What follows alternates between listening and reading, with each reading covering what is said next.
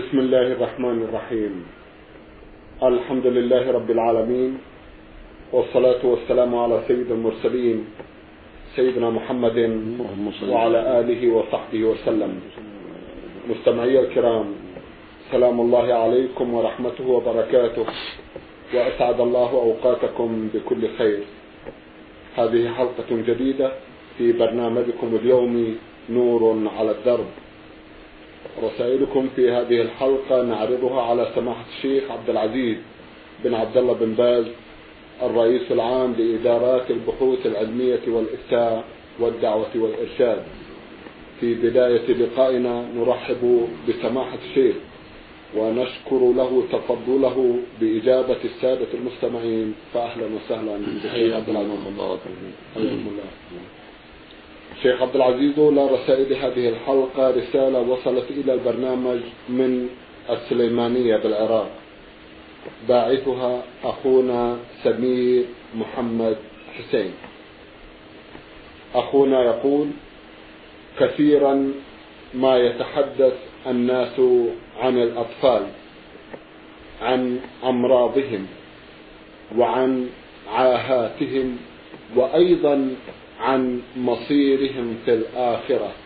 ماذا يقول سماحة الشيخ حتى يصحح عقيدة بعض الذين يخطئون ويقولون إن الأطفال لا ذنب لهم فكيف يمرضون وكيف يصابون بالعاهات وما هو مصيرهم في الآخرة؟ بسم الله الرحمن الرحيم. الحمد لله وصلى الله وسلم على رسول الله وعلى آله وأصحابه ومن اهتدى بهداه. أما بعد فإن الله عز وجل أخبر عن نفسه بأنه حكيم عليم وأنه جل وعلا يبتلي عباده بالسراء والضراء والشر والخير يختبر صبرهم ويختبر شكرهم والأطفال وإن كانوا لا ذنب عليهم فالله يبتليهم بما يشاء لحكمة بالغة منها اختبار صبر آبائهم وأمهاتهم وأقاربهم واختبار شكرهم وليعلم الناس أنه جل وعلا حكيم عليم يتصرف في عباده كيف يشاء وأنه لا أحد يمنعه من تنفيذ ما يشاء سبحانه وتعالى في الصغير والكبير والحيوان والإنسان. فما يصيبهم من أمراض وعاهات إلا فيه الحكمة البالغة التي منها يعلم الناس قدرته على كل شيء وأنه يبتلي بالسراء والضراء حتى يعرف من رزق أولادا سالمين فضل نعمة الله عليه. وحتى يصبر من ابتلي بأولاد يصيب بأمراض فيصبر ويحتسب فيكون له الأجر العظيم والفضل الكبير على صبره واحتسابه وإيمانه بقضاء الله وقدره وحكمته. وأما مصيرهم في الآخرة فهم تبع أهليهم. فأولاد المسلمين في الجنة مع أهليهم أجمع على هذا أهل السنة والجماعة. حكى الإمام أحمد وغيره إجماع أهل السنة والجماعة على أن أولاد المسلمين في الجنة. أما أولاد الكفار فقد سئل عنهم النبي صلى الله عليه وسلم فقيل له يا رسول الله ما ترى في أولاد المشركين؟ قال الله أعلم بما كانوا عاملين. قال أهل العلم معناه أنهم يمتحنون يوم القيامة حتى يظهر علم الله فيهم يوم القيامة. وهو من جنس أهل الفترات الذين لم تأتهم الرسل ولم تبلغهم الرسل. وأشباههم ممن لم يصل إليه رسول. فإنهم يمتحنون ويختبرون يوم القيامة بأوامر توجه إليهم. فإن أجابوا صاروا إلى الجنة وإن عصوا صاروا إلى النار. وثبت هذا في أحاديث صحيحة عن رسول الله عليه الصلاة والسلام. فعند هذا يظهر علم الله فيهم فيكونوا على حسب ما ظهر من علم الله فيهم إن أطاعوا صاروا إلى الجنة وإن عصوا صاروا إلى النار. هذا هو المعتمد فيهم وهذا هو القول الصواب فيهم. وقال جماعة من العلم إنهم يكونوا في الجنة لأنهم لا ذنب عليهم فيكونوا في الجنة كأولاد المسلمين. ولكنه قول مرجوح والصواب أنهم يمتحنون ويختبرون يوم القيامة. لأن الله قال سبحانه وما كنا معذبين حتى نبعث رسولا هو لا يعذب إلا بمعصية من المعذب أو كفر من المعذب. والأطفال ليس منهم معصية ولا كفر فلهذا يمتحنون يوم القيامة كما يمتحن الذين لم تبلغهم دعوة الرسل. فيمتحنون يوم القيامة بما يظهر أمر الله فيهم من طاعة أو معصية. والله ولي التوفيق. جزاكم الله خيرا. الرسالة التالية باعثها أخونا عبد الله العنيزان من الجبيل أخونا له عدد من الأسئلة من بينها سؤال يقول ابنتي تذهب إلى الروضة رياض الأطفال ولكن من بين الأشياء التي يؤدونها بالروضة أن المدرسة تفتح لهم المسجل وتسمعهم الأناشيد الغير مبتذلة مثلا عن الأم والوطن وما شابه ذلك. ولكن تلك الأناشيد تكون مصحوبة بالموسيقى. فهل يجوز لي أن أدع ابنتي تذهب؟ وهل يكون علي ذنب إذا استمعت لمثل ذلك؟ هذا غلط من المدرسة. أما سماع الطفلة الأناشيد السليمة فلا حرج في ذلك.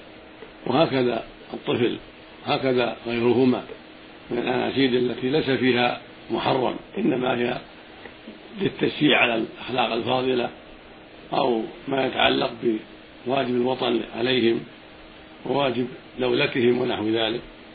أما إصحابها بالموسيقى هذا غلط ولا يجوز. والواجب على القائم على الروضات منع ذلك حتى لا يبقى هناك مانع من مجيء الأطفال إليهم.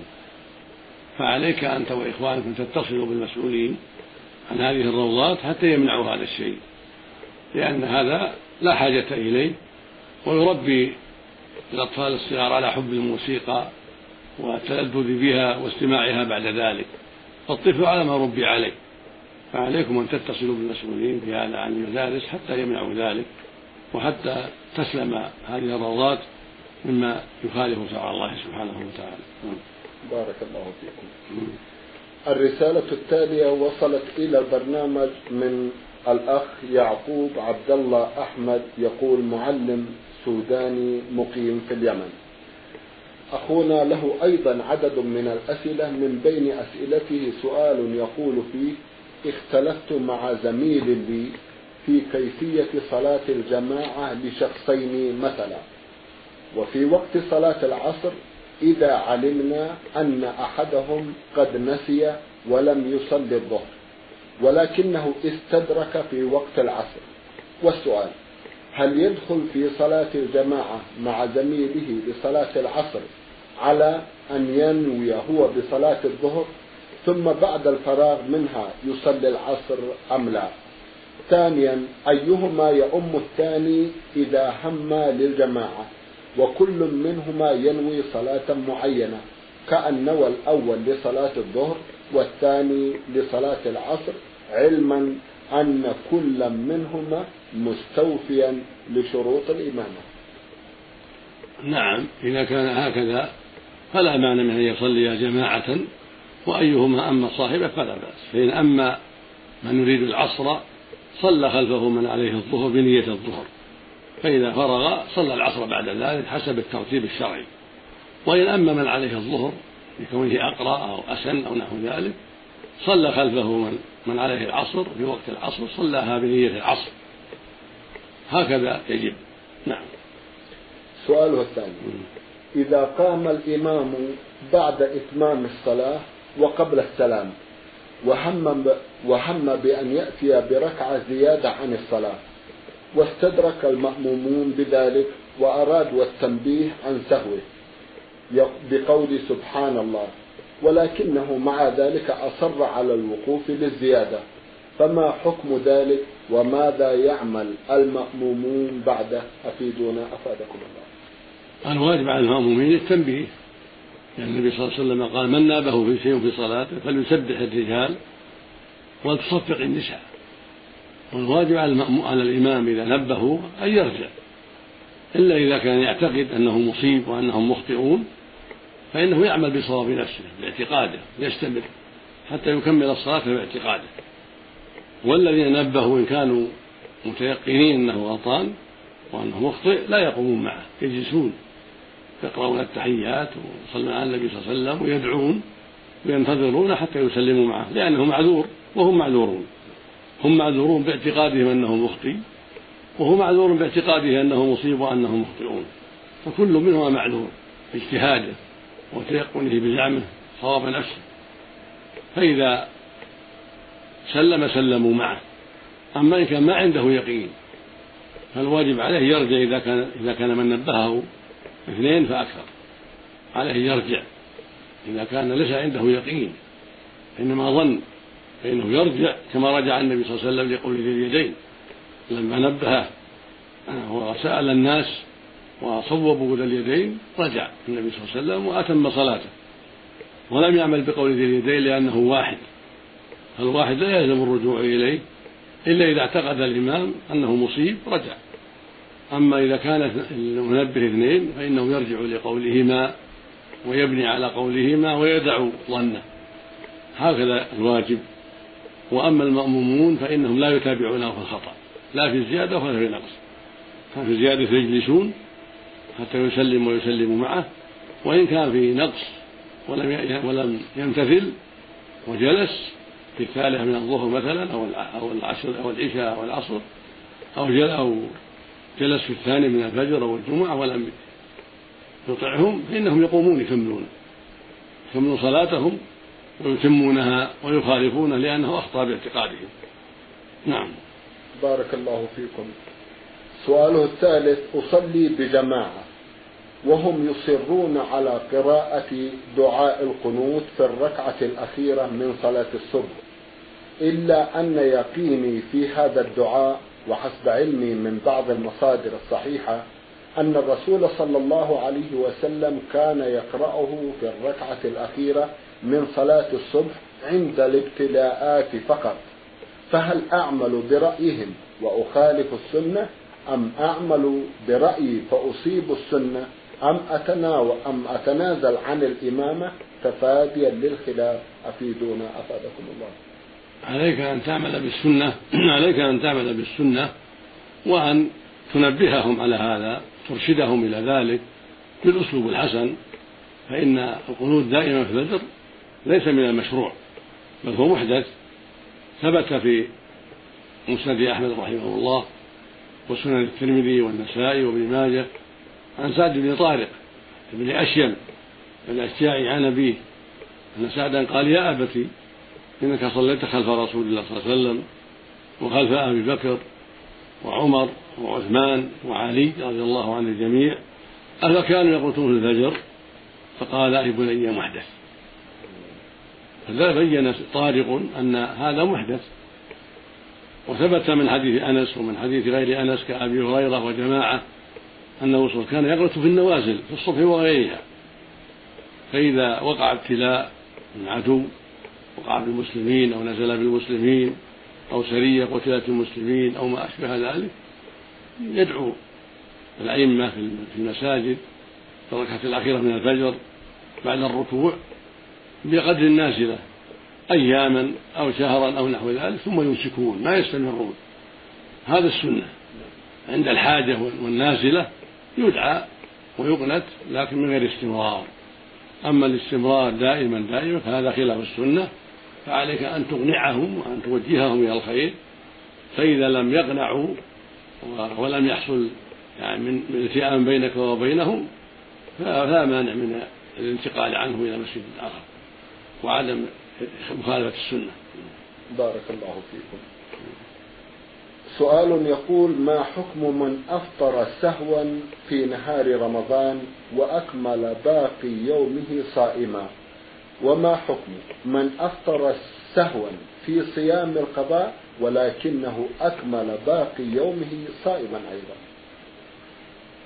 إذا أكل الصائم أو شرب ناسيا في رمضان أو في قضاء رمضان أو في النذر أو في الكفارات فصومه صحيح يكمله ولا شيء عليه لأنه ثبت في الصحيحين عن النبي صلى الله عليه وسلم أنه قال من نسي وهو صائم فأكل أو شرب فليتم صومه فإنما أطعمه الله وسقاه هكذا جاء في الصحيحين. وهذا من أصح الأحاديث عن رسول الله عليه الصلاة والسلام. وفي اللفظ الآخر خارج الصحيحين عند الحاكم وغيره من أفطر في رمضان ناسيا فلا قضاء عليه ولا كفارة. هذا هو المعتمد. نعم. سؤال يقول هل يجوز قضاء أيام من رمضان يوما بعد يوم؟ نعم يجوز المتابعة أفضل إذا تيسر ذلك.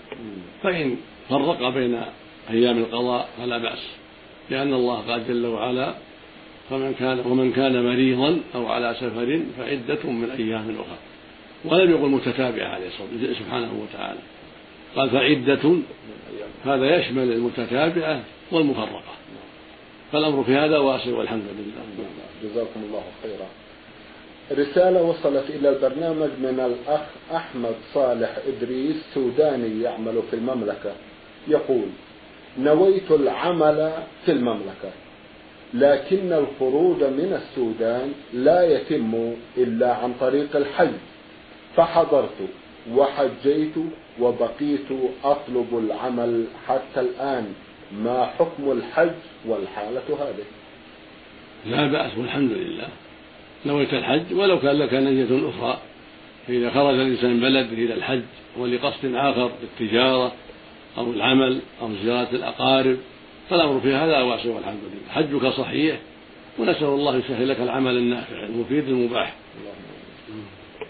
لكن هذا يصوره أخونا في صورة احتيال سماحة الشيخ جعله طريقا ما في بأس. جعله طريقا. جعله طريقا للعمل نعم. لا بأس. كان يجعله طريقا للتجارة. أيوة. هو ملزوم يريد التجارة ولكن لا طريق إلا الحج. أيوة. فحج يؤدي مناسك وليتجه. فهذا طيب. صرح العلماء بهذا وأنه لا حرج. المكاري والتاجر وغيره نعم. بارك الله فيكم وجزاكم الله خيرا. أخونا يقول شائع لديهم أن الذي ليس له شيخ شيخه شيطان وهكذا يستمر في التفصيل ويطيل في هذا الموضوع. بما توجهونهم سماحة الشيخ لو تكرم. هذا غلط عامي جهل. نعم. فإن الإنسان إذا تعلم وتبصر في دينه بسماع الحلقات العلمية أو بتدبر القرآن واستفاد من ذلك أو بقراءة السنة واستفاد من ذلك ما يقال سيفه في الشيطان. يقال قد اجتهد وقد فعل ما ينبغي لكن ينبغي له أن يجتهد في اتصال بالعلماء وسؤالهم العلماء المعروفين بالعقيدة الطيبة لأنه إذا كان ما يسأل العلم قد يغلط كثيرا باعتماده على فهمه. وإذا حضر الحلقات العلم وحضر المواعظ فله شيوخ كثيرون. فإن صاحب الحلقة العلمية وخطبة الجمعة شيخ للسامعين. هذا لا يقال إنه ليس بشيخ لهم والذي يحضر حلقات العلم ويسمع خطب الجمع وخطب الاعياد والمحاضرات التي تعرض في المساجد وفي غيرها هؤلاء كلهم شيوخ له. يستفيد منهم. وإذا اختص بأحد من علماء السنة ليساله عن ما أشكل عليه كان هذا من الكمال والتمام. ولا يقال من ليس له شيخ شيخ الشيطان. كل هذا ما الحصر فإن طالب العلم لا بد يكون له شيوخ يسألهم ويستفيد منهم. والإنسان ما يتعلم بنفسه فقط لا بد يحتاج إلى سماع العلماء في حلقاتهم وفي خطبهم وفي غير ذلك. نعم. بارك الله فيكم. أخونا يقول في سؤال أخذت من شخص قطعة أرض لكي أزرعها واشترط علي أن أعطيه الزكاة.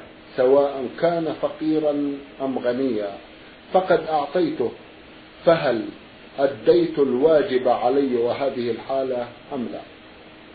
هذا العقد باطل لا يجوز أن تستأذن له بشرط أنك تعطيه الزكاة هذا لا يجوز. تتفق معه على الأجرة التي ترضاها ويرضاها ويكفي أما شرط الزكاة فلا. ولو كان فقيرا لا يصح شرط الزكاة له.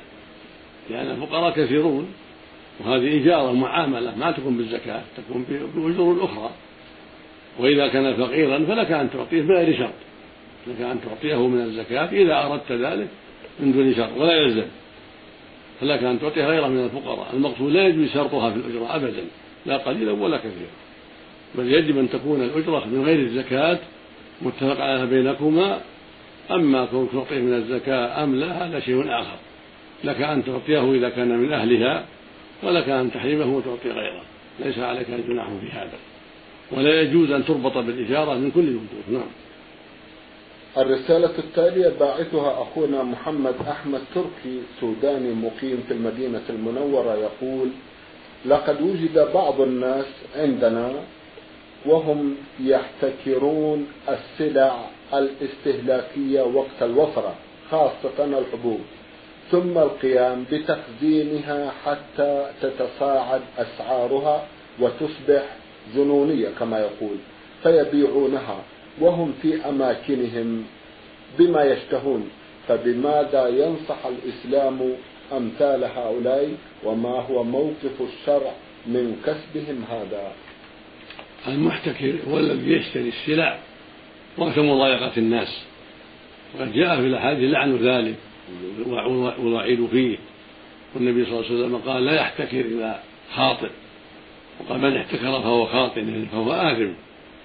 قال العلماء هو الذي يشترون السلع يعني الطعام ونحو مما يحتاجه الناس في وقت الشدة. ويخزنه ليشد الغلاء حتى يبيع بأكثر.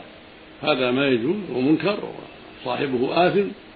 ويجب على ولي الأمر إذا كان في الدولة البلاد ولي أمر ينفذ أمور الشر يجب على ولي الأمر أن يمنعه من ذلك وأن يلزمه بيع الطعام بسعر المثل بسعر الوقت الحاضر الذي في الأسواق ولا يمكنه من خزانته. هذا إذا كان في وقت الشدة. أما الذي يشتري الطعام أو غير الطعام مما يحتاجه الناس في وقت الرخاء وكثرته في الأسواق وعدم الضرر على أحد. ثم إذا تحركت السلع باعه مع الناس من دون أن يؤخره إلى شدة الضرورة بل متى تحركت وجاءت الفائدة باعه فلا حرج عليه. وهذا عمل التجار وفي قديم الزمان وحديثه نعم. بارك الله فيكم. هنا رسالة باعثها مجموعة من آه، الإخوان من السودان أيضا آه، من بينهم الأخ محمد عبد القادر محمد ومحمد سر الختم إسماعيل من السودان. الإخوة يشتركون في سؤال واحد يقول هناك من يقول بحرمة مصافحة المرأة الأجنبية فهل هذا الكلام صحيح؟ ونرجو الدليل. مصافحة النساء الأجنبيات لا تجوز ولا شك في ذلك. وقد ثبت عن النبي صلى الله عليه وسلم أنه قال إني لا أصافح النساء. لما بايع النساء ومدت بعض النساء يده قال إني لا أصافح النساء. فدل ذلك على أنه لا يجوز والمسلمون يتأسون به صلى الله عليه وسلم في ذلك. وقالت عائشة رضي الله عنها فيما ثبت في الصحيح لما ذكرت البيعة للنساء قالت ما مست يده يد امرأة قط ما كان يبايعهن عليه الصلاة والسلام إلا بالكلام. هذه سنة عليه الصلاة والسلام عدم مصافحة النساء لا في البيعة ولا في غيرها. والله يقول سبحانه لقد كان لكم في رسول الله أسوة حسنة. ويقول صلى الله عليه وسلم من رغب عن سنتي فليس مني. ولأن مصافحتهن فتنة وسيلة إلى شر. حتى قال بعض أهل العلم إنها شر من النظر. لأن مس يدها فتنة قد تكون شابة وقد تكون يدها ناعمة. فالحاصل أن مس اليد فتنة فهو من جنس النظر أو أشد من النظر وهو محرم. فيكفي المؤمن ما ثبت في السنة ولا يجوز له مخالفتها ولا سيما في مثل هذه المقامات الخطيرة. رزق الله الجميع التوفيق والهداية. نعم. اللهم آمين. الذين يصورون هذا سماحة الشيخ في صورة احتقار للمرأة ماذا يقال لهم؟ هذا ليس باحتقار ولكنه إكرام لها وصيانة لها وصيانة للمؤمن عن أن يقع فيما حرم الله. فيقول لها يا أختي أو يا فلانة ليس المقصود احتقارك وإنما المقصود طاعة الله ورسوله والبعد عن أسباب الفتن. فليس لها أن تصافح أخا زوجها ولا زوج أختها ولا ابن عمها ولا جارها في البيت ولا غيرهم. ولكن تسلم عليهم بالكلام وعليكم السلام السلام عليك يا فلان كيف حالك؟ مع الحجاب والتستر وعدم كشف وجهه وغيره. تكون متسترة محتجبة وتسلم بكلام طيب ردا وبدءا. كيف حالك كيف أولادك إلى غير هذا. نعم. كما قال الله عز وجل في كتابه العظيم في سورة الأحزاب وإذا سألتموهن متاعا فاسألوهن من وراء الحجاب. ذلكم أطهر لقلوبكم وقلوبهن. بين سبحانه أن هذا هو الطهارة. التحجب والبعد عن الفتنة والطهارة لقلوب الجميع. قال عز وجل يا أيها النبي قل لأزواجك وبناتك ونساء المؤمنين يدنين عليهن من جلابيبهن ذلك أدنى أن يعرفن فلا يؤذين قال سبحانه ولا يبدين زينتهن إلا لبعولتهن وآبائهن الآية. واليد من الزينة نعم. جزاكم الله خيرا. أخونا يسأل سؤال آخر ويقول سمعت من أحد العلماء أن هناك ثلاثة أشياء تبطل الصلاة وهي مرور الكلب الأسود أمام المصلي ومرور المرأة الحائض وأيضا الحمار. فهل هذا الكلام صحيح مع الدليل إذا كان صحيحا؟ نعم صحيح. وهو مسلم في صحيحه رحمه الله. عن أبي ذر رضي الله عنه عن النبي صلى الله عليه وسلم أنه قال يجزئ أحدهم في الصلاة أن يكون بين يديه مثل مخاة الرعي فإذا مر بينه وبينها المرأة والحمار والكلب الأسود انقطع صلاته. إلا قد يقطع صلاة المرء المسلم المرأة والحمار والكلب الأسود. خرجه مسلم في الصحيح. وخرجه أيضا من حديث أبي هريرة رضي الله عنه. وليس فيه ذكر الأسود. ولكن قاعدة الشرع أن الحديث المطلق يقيد بالمقيد. فإذا قال له أبو ذر يا رسول الله ما بال الأسود من الأحمر والأصفر؟ قال الكلب الأسود شيطان. بين صلى الله عليه وسلم أنه شيطان جنسه وأن الأسود هو شيطان جنس الكلاب فيقطع الصلاة دون بقية الكلاب. والحمار كذلك مطلقا. وأما المرأة فجاء في حديث ابن عباس عند أبي داود والنسائي بإسناد جيد تقييدها بالحائض. فيكون رواية ابن عباس مقيدة لرواية أبي ذر وأبي هريرة وأنها المرأة البالغة يعني. التي قد بلغت المحيض. مثل ما في الحديث الآخر. يقول صلى الله عليه وسلم لا يقبل لا يقبل الله صلاة المرأة الحائض إلا بخمار. فالحائض لها شأن وهي التي قد بلغت الحلم وصارت محل الشهوة للرجال والصغيرة لا تقطع الصلاة وإنما تقطعها المرأة التامة البالغة التي قد بلغت المحيض. هذه الثلاث تقطع الصلاة. قال أشكل هذا على عائشة رضي الله عنها. وقالت بئس ما شبهتمونا بالحمير والكلاب. أيوة. لقد كنت أعترض بين يدي النبي صلى الله عليه وسلم على السرير وهو يصلي. وهذا الذي قالته رضي الله عنها حسب اجتهادها مع كونها من أفقه النساء. نعم. ولكن يخفى عليها أشياء. أيوة. وهذا مما خفي عليها. فإن كونها على السرير كان مضطجعة بين يدي النبي صلى الله عليه وسلم ليس بمرور. المرور هو الذي يقطع. أما كونها مضطجعة أمام المصلي أو جالسة أمام المصلي؟ هذا ليس بمرور ولا يقطع الصلاة. وإنما الذي يقطعه المرور. فعائشة رضي الله عنها خفي عليها هذا الأمر. وكلام النبي صلى الله عليه وسلم مقدم عليها وعلى غيرها. هو المشرع والمعلم عليه الصلاة والسلام. فالواجب طاعة أمره واتباع شريعته وإفهام النساء وغير النساء مراده عليه الصلاة والسلام. اللهم صل عليه نعم. جزاكم الله خيرا. شيخ عبد العزيز لا أدري هل هناك فرق بين المرأة إذا مرت أمام محرمها أو إذا مرت المرأة أمام رجل يصلي وهو من غير محارمها؟ لا فرق في ذلك. لا فرق. إذا مرت المرأة بين يدي المصلي سواء كان المصلي محرما لها أو أجنبيا أو امرأة أيضا حتى ولو كانت امرأة. حتى ولو كانت إذا مر الحمار والكلب والمرأة بين يدي المصلي رجلا أو امرأة. أيوة. قريبا أو بعيدا زوجا أو غير زوج. كل حديث عام يعم الجميع هل بينت الحكمة كما بينت في الكلب شيخ عبد العزيز؟ ما أذكر شيء في هذا. لا تذكر شيء. في هذا آه، لعله يبحث هذا الموضوع سماحة الشيخ ولا سيما أن الكثيرين يثيرون حوله أكثر من سؤال. القاعدة, القاعدة نعم. التي عليها أهل العلم نعم. تلقي ما قاله النبي صلى الله عليه وسلم بقلب منشرح طيب. وصدر رحب طيب. سواء علمنا الحكمة أو أم لم نعلم الحكم الحكمة طيب. لأننا نقطع ونجزم أن ربنا حكيم عليم وأنه لا يأمر إلا لحكمة ولا ينهى إلا عن حكمة فقد تظهر للمؤمن وتظهر لطالب العلم وقد تخفى قد يخفى بعضها ويظهر بعضها فمن ظهرت له الحكمة هذا نور على نور فضل من الله. وإن لم تظهر الحكمة فليس له يعترض. أليس له عليه أن يتبع ويلتزم بأمر الله ولا يقوم في الحكمة. فهذه الصلاة الآن الظهر أربع أيوة. والعشاء أربع نعم. والعصر أربع والمغرب ثلاث والفجر ركعتان. وقد يتنازع الناس في الحكمة. ما هي الحكمة في هذا؟ نعم. وربك هو الحكيم العليم سبحانه وتعالى.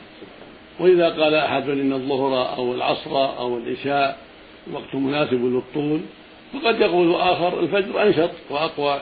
في حق من قام من, من نام مبكرا فهو, في فهو أنشط على يصلي أربعة الفجر. وأنشط يصلي صاحب المغرب ثلاثا في إذا كان مستريحا العصر أو مستريحا الظهر والعصر. فالحاصل أن هذا لا لا ينبغي أن يعترض به. بل علينا التسليم والانقياد وطاعة الله ورسوله في ذلك. وهكذا في الصيام. قد يقول قائل ما الحكمة في جعل رمضان ثلاثين؟ آه، صيام رمضان في الشتاء والصيف في الشتاء براد ولا فيه مشقة في القيض فيه مشقة لو تعيد في القيض خمسة عشر وفي الشتاء ثلاثين. كل هذه تخرصات. نعم. ليس للعبد أن يقولها. نعم, نعم. بل عليه يرضى ويسلم ويقبل شرع الله. وهكذا في الحج. قد يقع في وقت الشتاء وقد يقع في وقت الصيف وفيه مشاق. ومع هذا الله نظمه في وقت معين يعني سبحانه وتعالى. فعلينا أن نتبع ونسلم لأمر الله ونخضع لحكمه سبحانه. وإذا بين لنا شيئا من الحكم فهذا فضل منه. فضل منه سبحانه. بارك الله فيكم وجزاكم الله خير الجزاء. آه، عسى أن تتاح لنا فرصة أخرى سماحة الشيخ لتتفضلوا بمزيد من الإيضاح حول هذا الموضوع. إن شاء الله. إن شاء الله. في ختام هذا اللقاء أتوجه لكم بالشكر الجزيل على تفضلكم بإجابة السادة المستمعين وفتواهم في قضاياهم.